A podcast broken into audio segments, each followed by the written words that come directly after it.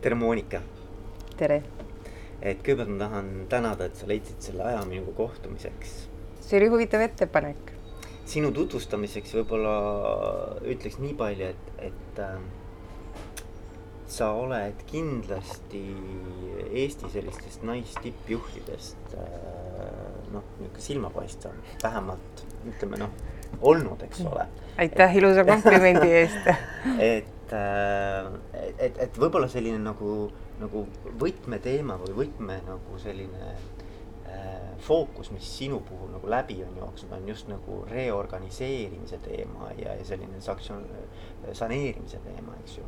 ütleme inimestele tuleb kohe silme, et võib-olla Eesti Loto. kui nüüd enam seda keegi mäletab ähm, sellel ettevõttel läheb nüüd tänaseks juba nii hästi, nagu kunagi sai prognoositud, nii et kes tavaliselt neid, kes sellele aluse pani, ei mäletata enam. no mina vähemalt mäletan, eks ole. ja ma arvan, et teised ka tegelikult ja, ja palju teisi ettevõtteid, suuremaid ja väiksemaid siit ja sealtpoolt, et äh, et noh, üks teema, mida kindlasti täna võiks puudutada, on seesama, et, et mis sinu jaoks äh, see reorganiseerimise, saneerimise teema nagu tähendab, eks ju, ja kuidas sa juhtid, mis kvaliteediga nagu seostub aga mida sa ise nagu enda puhul ütleme, et kui, kui nagu, kuidas sa ise tahaksid, et, et, et sind tutvustataks või et mis, mis sinu puhul nagu välja toodaks? eks see ongi seesama, et äh, Eestis ei ole väga palju ainult reorganiseerimisele keskendunud juhte ja, ja tõenäoliselt see ongi see nii-öelda see minu erioskamine. et et äh, laias laastus võib ju öelda, et on kaht tüüpi juhid, on sellised stabiilsed juhid, kes töötavad aastakümneid ühe organisatsiooniga ja tegelikult äh, noh, see ei tähenda seda, et nad oleksid kuidagi stagneerunud, vaid vastupidi, need on sellised suurepärased juhid, kes suudavad ühte sama organisatsiooni pidevas uuenemises hoida see on, see on üks suur väärtus, noh, Tarmo Noop võib-olla on üks selline näide, eks ole, A Le Coq'i õlletehase juhina, kes, kes on väga edukalt äh, sellist rolli kandnud äh, siis ja siis on teised juhid, kes siis ongi, liiguvad organisatsioonist organisatsiooni. ütleme, see on siis nii-öelda minu, minu tüüpi juht, kes siis äh, on nagu juhtkonsultant, võib-olla isegi õigem oleks öelda, kes siis sekkub, kui on vaja teha mingisuguseid suuremaid drastilisi muudatusi, kui siis äh, seal eelnevalt ei ole piisavalt tähelepanu pööratud pidevale uuenemisele. et äh, ja need on täiesti kaks erinevat stiili juhtimist, et äh, et sellest tuleb endale aru anda. kõige tähtsam on see, et juht annab endale aru, mida ta läheb tegema, no see on nagu iga töö puhul et, äh, et sa pead endale aru andma, mis see töö on, mida sa lähed tegema ja kuidas seda on vaja teha ja vastavalt siis sellele valida siis juba meetodid ja vahendid mm. -hmm aga kui nüüd tulla, et noh, minu niisugune lemmik äh, esimene küsimus on, et mille eest juhile palka makstakse? et, et mm., et kuidas sa sellele vastaksid? vot see on ääretult hea küsimus sest ega enamus inimestel on üldse küsimus, et mis see juht seal siis üldse teeb, eks ole aga kui ma selle küsimuse peale jah mõtlesin, siis äh, ütleme nagu lektori mätta otsast mõeldes, siis äh, ma arvan, et paremat äh, sellist lühikokkuvõtet, kui Max Debre selles Leadership'i senaat raamatus on öelnud, on see, et liidri esmane ülesanne on määratleda tegelikkus. viimaseks jääb tänamine. vahepeal on liider teenija rollis. vot see teenija roll ongi see, mille eest põhiliselt see juht tasu saab.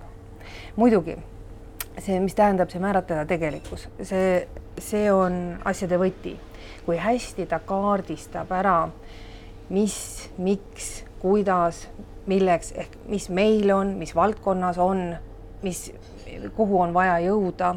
ehk, ehk see on, eks ole, see võti, kui hästi liider nüüd selle paika paneb. nüüd see tänamine on see pool, et liider ei tee mitte midagi üksinda juhile, juhi, juht saab väga vähe palka, kui ta üritab üksi teha. Äh, õigemini tõenäoliselt ei saagi midagi, see tähendab seda, et äh, tal peab olema meeskond, keda lõpuks tänada selle eest, et see kõik on ellu viidud. Ja see teenija roll ongi see, mis, mis on siis põhi või kõige võib-olla mahukam tööliidri või juhi puhul. ehk siis see, et ta peab võimaldama kõik vahendid ja võimalused sellel meeskonnal töötada mm takistama ka barjäärid, eks ole. just, et kui ta suudab määratleda kus me oleme, mida me teeme, kuidas me peame seda tegema, et edu saavutada, tal on meeskond, kellega seda teha, siis edasi on tema ülesanne, eks ole, vaadata, et kõik spetsialistid oleksid õnnelikud et, ja rahul sellel töökohal, et nad saaksid panustada. vastasel juhul see ei tööta, ehk see see Max Debre lühike lause, vot minu meelest see võtabki kokku ja. selle, mille eest juhile üldse palka saab maksta. aga kui nüüd võtta seesama reorganiseerimise teema uh, -huh siis äh, kuidas sa seal seda, seda, seda juhi rolli nagu määratleksid? no siin on, tegelikult on täpselt seesama, kõigepealt on vaja selgeks teha, mis on olukord, miks ja kuidas sinna on jõutud. nüüd, kellega seda üldse parandada saab mm -hmm. ja kuidas seda parandada saab ja siis edasi ongi vaja välja töötada meetodid ja, ja vahendid, et hakata organisatsiooni reorganiseerima. et et äh, see ei erine selles mõttes mitte kuidagi, et noh, ühesõnaga see süsteem on ikka sama, võib-olla vahendid, meetodid on pisut teised. Mm, ja ajahorisont võib-olla ka. ajahorisont kindlasti, sest äh, üldjuhul on vaja reorganiseerimises teha väga kiireid äh, ja, ja võib-olla pisut isegi noh, öelda drastilisi käike, et organisatsiooni päästa. ja teinekord ka selle nii-öelda see tegelikkuse määratlemise etapis võibki selguda, et võib-olla ei olegi mõttekas või võimalik seda organisatsiooni päästa, võib-olla ongi õigem see lõpetada ja alustada millegi muuga. sest, äh, sest ka päästmise kulud võivad osutuda ebamõistlikult kõrgeteks. kas siis äh, rahaliselt või teinekord ka emotsionaalselt. et, äh, et sellest tuleb endale aru anda. üks asi, mis praegu jäi mul nagu kõlama sellest, oli, oli siuksed äh, drastilised otsused või valikud, eks ole. ja üldse otsustamise protsess, et, et, et räägi sellest, et kuidas sina otsuseid teed või kuidas, kuidas sa jõuad eh, selliste nii-öelda väga oluliste otsusteni noh, otsustamisprotsessil on oma kindlad etapid, aga kõige lihtsamalt öeldes on ikkagi see, et sul peab olema piisav kogus äh, fakte, mida analüüsida ja nende pealt otsustada et ega siin kuidagi teisiti on väga ebapraktiline, ühesõnaga kõhutunnet võib kasutada, aga ma ei soovitaks ainult sellele tugineda. aga mis sinu jaoks on olnud selline raske, kui sa mõtled tagasi, et mis on olnud nagu raske otsus teha?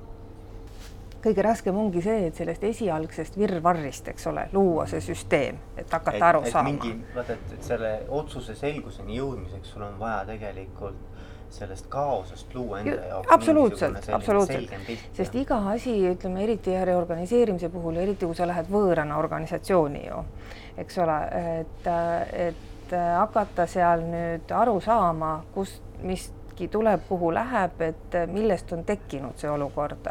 ja tegelikult ongi väga tihti tehakse seda viga, et sa vaatad peale, sa loed bilanssi ja vaatad, et ahah, noh, väga lihtne, eks ole, näiteks tarneahelas on mingid suured kulud ja kõik, kõik läheb sealt aga tegelikkuses tuleb jah, ikkagi vaadata äh, ja mis on minu kogemus, eriti tuleb vaadata neid kohti, mis tunduvad, et on väga hästi. Et äh, tõenäoliselt ongi see see koht, äh, mis võib olla noh, nagu käristab tegelikult kõike seda muud organisatsiooni mitte küll alati, aga, aga see on mul paar korda jah ette tulnud, et sa jätad siin mingisuguse üksuse nagu kõrvale, et vaatad, et oh, see on nii optimaalne, see töötab väga hästi. et aga tegelikult pärast selgubki, et seal võib-olla on see ebakõla nende teiste üksustega nii suur ja sellest on hoopis tekkinud probleem. nii et eh, noh, kõige tähtsam on jah, ikkagi endale piisava hulga andmete hankimine, eh, nendes, nende analüüsimine, nendest arusaamine aga muidugi jällegi, mida ma ka oma loengutes ja üliõpilastele rõhutan, on see, et äh, ei tohi jääda kinni sellesse andmete hankimise faasi, sest tänapäeva maailmas äh, sul on kogu aeg, sul tuleb infot juurde ja, ja kui sa analüüsid mingit organisatsiooni, sa pead ju analüüsima ka seda keskkonda, kus ta töötab, turgu. ehk siis äh, väga lihtne on ennast uputadagi ära ja, sellesse andmete ja, hankimise etappi. paralüüs. just, jah, ja et sul, sa kogu aeg mõtled, et ah, ma veel kontrollin, ütleme, ma ei tea, neid turuanalüüse ja vaatan seda ja toda ja kolmandat ja, ja tähendab, sa raiskad selle aja lõpuks niimoodi ära ja, ja sa oled kuhjanud ennast üle ka üldjuhul siis juba väga paljude ebavajalike faktidega. et ikkagi see prioritiseerimine on jälle üks väga tähtis märksõna äh, juhi nii-öelda töövahendite pagasis, et äh, sa suudad aru saada, mis andmeid sul üldse on vaja mm ja, ja, ja kuidas need, eks ole, haakuvad nüüd selle antud olukorraga, et sul oleks piisavalt andmeid, mitte liiga vähe, mitte liiga palju. ja, ja, aga kuidas, vaata üks asi veel, mis selle juures on, on emotsioonid. et kuidas emotsioonidega toime tulla, sest tegelikult sellise muutuse faasis nagu iga reorganiseerimine tegelikult tohutu muutus, eks ole. inimeste jaoks kohe tekivad kõikvõimalikud kaitsereaktsioonid ja emotsioonid et ma arvan, et kuidas, kuidas sa sellega oled hakkama saanud, kuidas see? seda on väga palju lihtsam äh, käsitleda konsultandina. Kui sa ise oled äh, selle organisatsiooni juht ja nende inimestega emotsionaalselt seotud, on seda reorganiseerimist väga palju raskem teha, see on selge aga nüüd konsultandina võõrana minnes sinna organisatsiooni ja tegeledes siis ainult äh, või peamiselt ainult siiski faktidega, eks ole, on, on see otsusteni jõudmine lihtsam. Nüüd äh, elluviimise etapis tahes-tahtmata jah, tuleb kokku puutuda rohkem nende emotsioonidega ja see on keeruline. ja, ja muidugi eh, noh, näiteks Eestis, kus ettevõtted on kõik väiksed, kus omanikud on juhid ja ja, ja kui asjad lähevad halvasti, siis on, on ütleme, see, see kurbus ja, ja õnnetus noh, nagu emotsionaalselt kordades suurem. et, et sinna ei ole midagi teha, eks mingil määral on juht kindlasti ka psühholoog. et, et sa pead oskama leida mitte ainult nüüd jah, üks asi on need karmid faktid, eks ole, et vot nii on vaja teha, vaid ka võib-olla emotsionaalsed selgitused ja põhjendused, et mis see annab. et noh, näiteks kui on ettevõttel on probleemid ja on nii palju nutikas omanik ja juht, et ta saab aru sellest, et, et tal on vaja kõrvalist abi.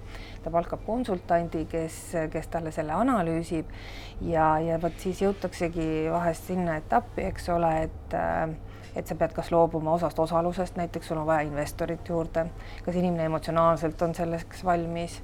teine asi on see, et, et kui noh, ütleme turuolukord on selline, et seda toodet ei olegi mõistlik, ei ole mõistliku nii-öelda tulemiga võimalik üldse realiseerida ega toota.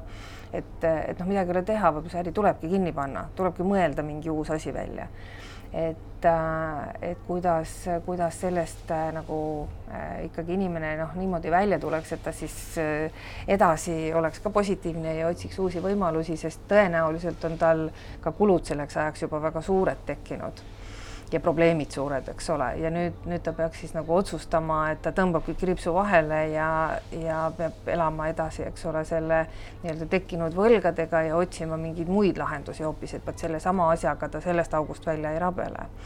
et ähm, et selliseid, selliseid jah, keerulisi on ja, ja kahjuks jah, ütleme, et äh, alguses on väga palju negatiivseid emotsioone.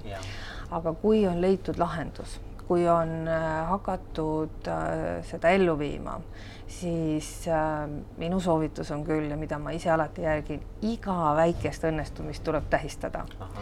sest see on see, mis, mis annab selle positiivse laengu, et, et näed, meil, meil hakkab minema. Ja, ja mida noh, ega see ei saa öelda, inimesed ei ole masinad, et noh, ütleme robotitega oleks lihtne, eks ole, midagi läks rikki, parandame ära, töötavad edasi, kõik on hästi, ei ole vaja kedagi kuidagi õnnelikuna hoida. Inimeste puhul on vastupidi, mida õnnelikumad on inimesed, seda paremini nad töötavad, seda rohkem on nad pühendunud, seda, seda edukamalt tegelikult asi läheb. Nii et, et kui sellest rasketest äh, emotsioonidest äh, on üle saadud siis edasi tuleb otsida iga väikest võimalust rõõmustamiseks. et siuksed nagu small wins või nii-öelda. absoluutselt, iga kõik, väikest ja, asja, noh, ütleme ja, nii, et, et selle nädala parima müügiga päev või, või selle noh, ma ei tea, kõige huvitavam toode, mis iganes.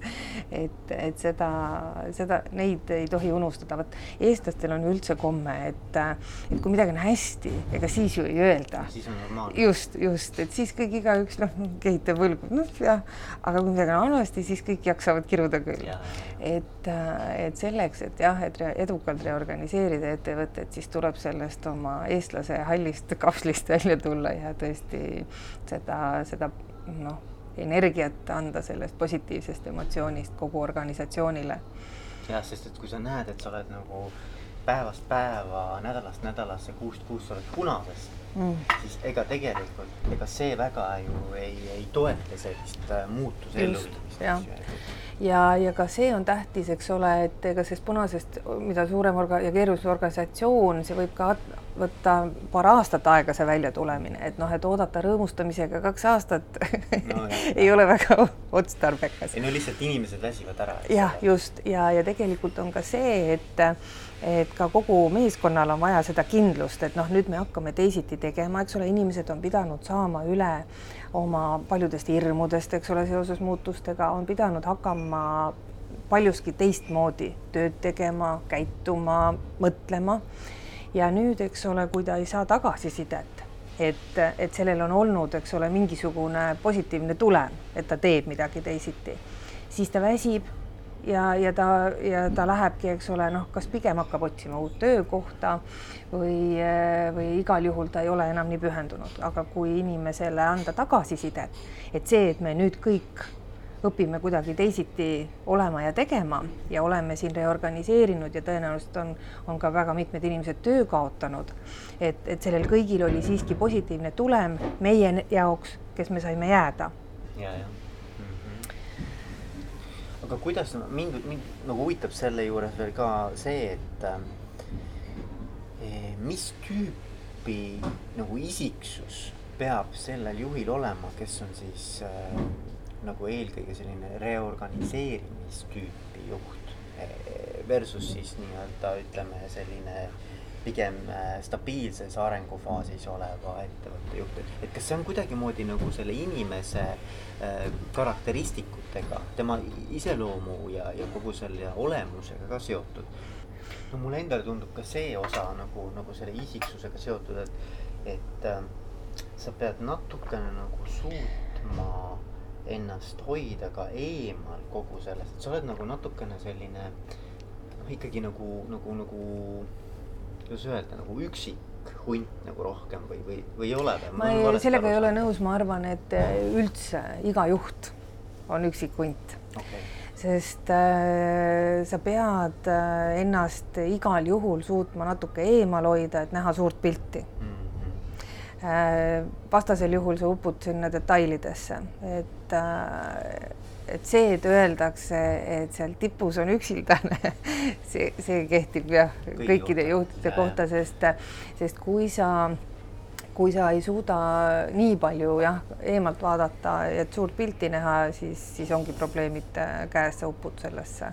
et see, see on jah, kahjuks selle juhi selline töö eripära ja seal võib-olla on ka see, noh, teine pool on see, et sa ei saa nagu kõiki inimesi endale taha, et, et, et, et, et sa pead nagu neid asju tegema ka natukene sellise, ma ei tea jälle, noh, mis on sinu nägemus on ju, et, et sa pead nagu seda, äh, sul ei ole aega lihtsalt seda tiimi nagu kõik, kõiki inimesi nagu enda äh, nägemusega süstida, eks ju. vastupidi, sa pead seda suutma okay., sellepärast et vastasel juhul, eh, kui sul ei ole kogu tiimi taga, siis sul on noh, umbes niimoodi nagu sul on mingi masinavärk, aga mõni ratas natukene logiseb, eks ole.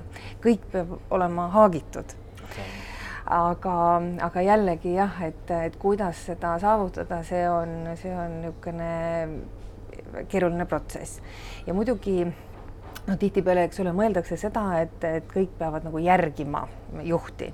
et äh, kui seda, seda järgimise sõna kasutatakse, et see on noh, selline noh, ma ütlen, et äh, võib-olla partei on selline organisatsioon, kus tuleb juhti järgida, tõepoolest, ta peab olema karismaatiline isiksus, äh, üldjuhul ka hea kõnemees, eks ole, et talle järgnetaks organisatsioonis ja eriti tänapäeva uutes valdkondades, kus organisatsioonid on suhteliselt loomingulised kollektiivid tegelikult, peab juht olema pigem see sidustaja.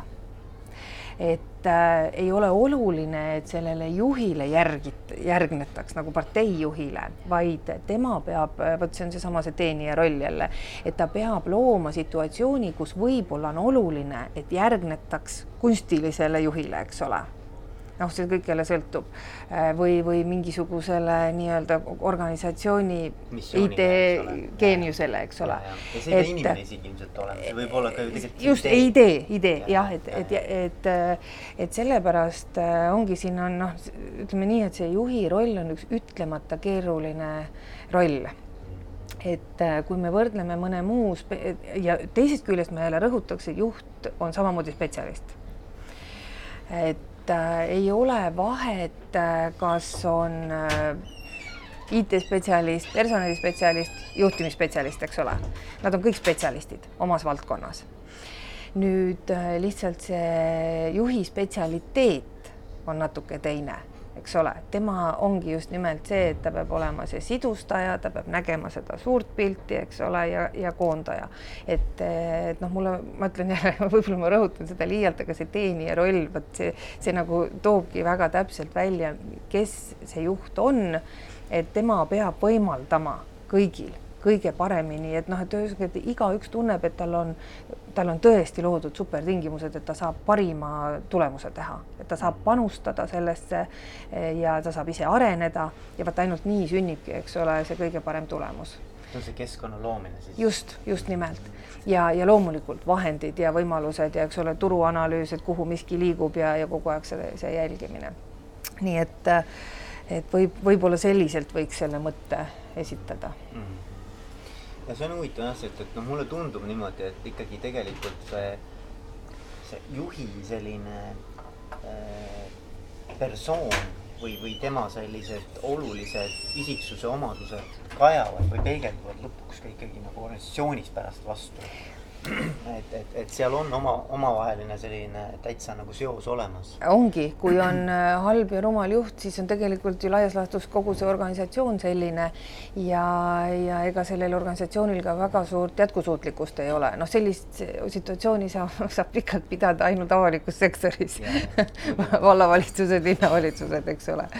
Ja, ja see on katastroof jällegi sellistele mõtlevatele ja headele spetsialistidele ja, ja kes siis üldjuhul kas siis lahkuvad, otsivad uut või, või siis lihtsalt vaikselt manduvad, mhm. millest on nagu tohutult kahju, et spetsialistid, kes ähm, tahaks äh, panustada ja teha, äh, kui talt nõutakse neid nii-öelda ainult tagumiktundide tegemist, et, äh, et see on, see on noh, nagu selle isiksuse, isiksuse hävitamine tegelikult, aga aga jah, kahjuks ka selliseid organisatsioone on ja sellistel spetsialistidel isegi võib olla väga raske ka uut kohta leida, kuigi ta on hea töötaja, aga ütleme, selles valdkonnas ei pruugi olla nii palju töökohti lihtsalt mm.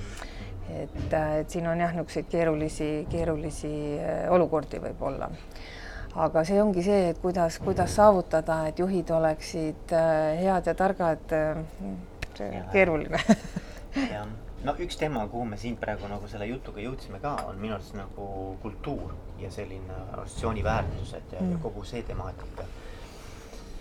kui oluliseks sina pead seda, et, et juht tegeleks just nimelt nagu sellise õhkkonna ja, ja kliima ja kogu selle väärtuste teemaga? no see ongi ju kõige alus, sellepärast et tema roll ongi luua see selline meeldiv organisatsiooni kultuur, kus kõik saaksid ennast äh, kõige paremast küljest näidata.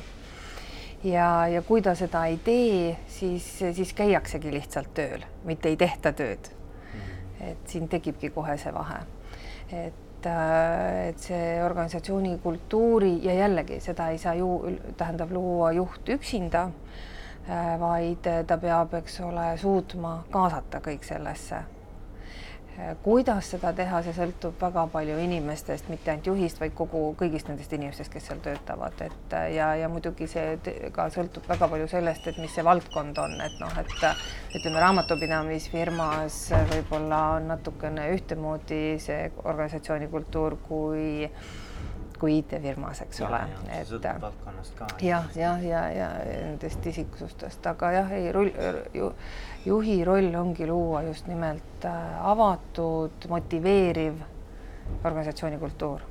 siis ma kujutan ette, et näiteks ka need ettevõtted, kus seda re reorganiseerimist vaja on, paljuski ju peegeldub ka vastu, et need probleemid või, või see nii-öelda see see, see teekond on nagu läinud sinnamaani tänu sellele, et mingid asjad selles kultuuris ei ole ka päris võib-olla olnud äh, seal võib olla kaks asja. üks asi see jah, et, et organisatsiooni kultuuriga ei ole tegeletud, vot üldiselt see maailmas on nii, et sa pead kõigi asjadega tegelema, sa pead isegi sõprussuhtega tegelema, et sõpru hoida, eks ole, et kui sa sellega ei tegele, siis ühel hetkel sa avastad, et noh, et sõbrad on kadunud, eks ole. Mm.. Organisatsiooni kultuur vot äh, võib-olla hea võrdlus on see, et näiteks äh, organisatsioonides on harjutud, et strateegiat vaadatakse seal kolme ja viie aasta tagant üle ja, ja kõik. aga miskipärast organisatsiooni kultuuriga seda ei tehta. et tegelikult see on täpselt samasugune osa organisatsioonist, millega, mida tuleb üle vaadata, millega tuleb tegeleda et äh, siin sul oli väga hästi välja toodud see Peter Druckeri äh, lause, et äh, mille, mille tegelikult Fordi juht äh, kuulsaks kunagi äh, tegi, et, äh, et selle mõte ongi just nimelt see, et see organisatsiooni kultuur ja strateegia on, on nii tihedalt seotud, et üksteiseta ei toimi. et kui sul tegelikult ei ole neid väärtusi või arusaama, seda suhtumist juurutatud, mis toetaks tegelikult strateegia elluviimist. siis, siis, siis, siis sul võib olla jube hea strateegia mm., aga see, see elluviimine jääb lihtsalt nii nõrgaks, et eh, noh, tähendab ega see organisatsiooni kultuur ei olegi midagi muud, kui see paneb aluse sellele, et inimesed eh, saavad pühenduda sellele tööle, mida nad teevad ja organisatsioonile. et Äh, tihtipeale öeldakse seda või, või noh, mõni ütleb, et ah, mis see pühendumine on või mõni näiteks mõni juht ütleb selles mõttes väga huvitavalt, et noh, et, et aga ma nõuan oma töötajatelt pühendumust. No kuidas sa seda nõuad, ma tahaks seda väga hästi küll teada. No,. sa pead olema kaheksa tundi tööl. Ja see ei ole pühendumus. Et, äh, et pühendumus äh, tekibki sellest, kui inimene ärkab hommikul mõttega, et ma tahan tööle minna, ma tahan panustada sellesse organisatsiooni. mul on, ma ta-, ma tahan, et äh, inimesed, eks ole, usaldaks mind, usaldaks minu tööd ja see läbi selle tekib austus, eks ole, ja igaüks mõistab, mis on tema roll tervikus. et äh, et selles mõttes ja see kõik, eks ole, algabki sellest samast organisatsiooni kultuurist, et kas on loodud selline kultuur. ja no ma mõtlen, et siin võib-olla on see ka oluline. et kas tõesti äh, inimesed suudavad ennast selle ettevõtte laiema tähendusega või, või et nad suudavad oma töö nagu tähendusrikkaks teha, eks ju. et, et kas, et, see loob tegelikult minu arvates ka väga paljuski selle, et ma tahan panustada. et see on oluline minu jaoks, et, et ma näen, et sellel on mingi mingi väga selge selline väärtus ühiskonna või, või ma ei tea, mingi väikse sihtgrupi jaoks, eks ole. et, siis see muudab ka selle töö kuidagi nagu oluline, aga see on juhi töö muidugi, et teha see, seesama, see väärtus nii-öelda või see tähendusrikkus sinna ümber. täpselt nii ongi ja see ongi juhi, ma ütlengi, et see ongi tema põhiline ja, ja võib isegi öelda ainus roll, eks ole. kui organisatsioon töötab, et seda kogu aeg hoida, et mhm. kõik äh, näeksid, mis on nende roll tervikus ma ikkagi tuleks selle reorganiseerimise juurde veel korra tagasi. et ähm, kas reorganiseerimine võib tähendada ka organisatsiooni kultuuri värskendamist või uuendamist? jaa, kindlasti. Ja üldjuhul see seda tähendabki. Okay.. üldjuhul see seda tähendabki. Küsimus ongi, eks ole, selles, et äh, kui orga-, kui on avastatud, et organisatsioon on probleemides, siis äh, järelikult on seal midagi valesti. midagi tehakse valesti, sest, sest on tekkinud probleemid. Äh, valesti selles mõttes, et võib ka alati öelda seda, et turg on muutunud ja kõik. noh, valesti tähendabki seda, et sa ei läinud selle muutusega kaasa, eks ole, sa ei see näinud seda ette. väliskeskkond, mis on muutunud. just, aga, aga organisatsioonis on igal juhul valesti tehtud, sest ta ei ole seda kas ette suutnud prognoosida või läinud sellega kaasa. nüüd mm, küsimus ja vot see organisatsiooni kultuur on ka see, et kui sul on seal kolme või viie inimese ettevõte Eh, või viiekümne või, või viiesaja inimesega ettevõte, siis mida suurem on ettevõte, seda, seda tähtsamaks muutub see kultuuri küsimus. väikses organisatsioonis on väga palju lihtsam ka võib-olla omavahel nagu kokku leppida eh, et kuidas me käitume ja üldjuhul on ka see, et kui väiksel organisatsioonil on tekkinud probleemid, siis, äh, siis seal võibki olla see, et on kokku saanud lihtsalt valet tüüpi inimesed. et siin on ka sellised nüansid. ja, ja siin ongi küsimus, et kas inimesed tahavad ennast muuta, kas nad leiavad sünergia, et ühiselt kuidagi teisiti koos teha või siis äh, tulebki ettevõte võib-olla ära jagada ja, ja teistsuguste seltskondadega edasi minna. et, äh, et noh, võib-olla siin võiks öeldagi seda, et et see selline inimestevaheline keemia mm -hmm. on, on võib-olla ka üks äh, tähtis osa selles, et, et luua selline organisatsiooni kultuur.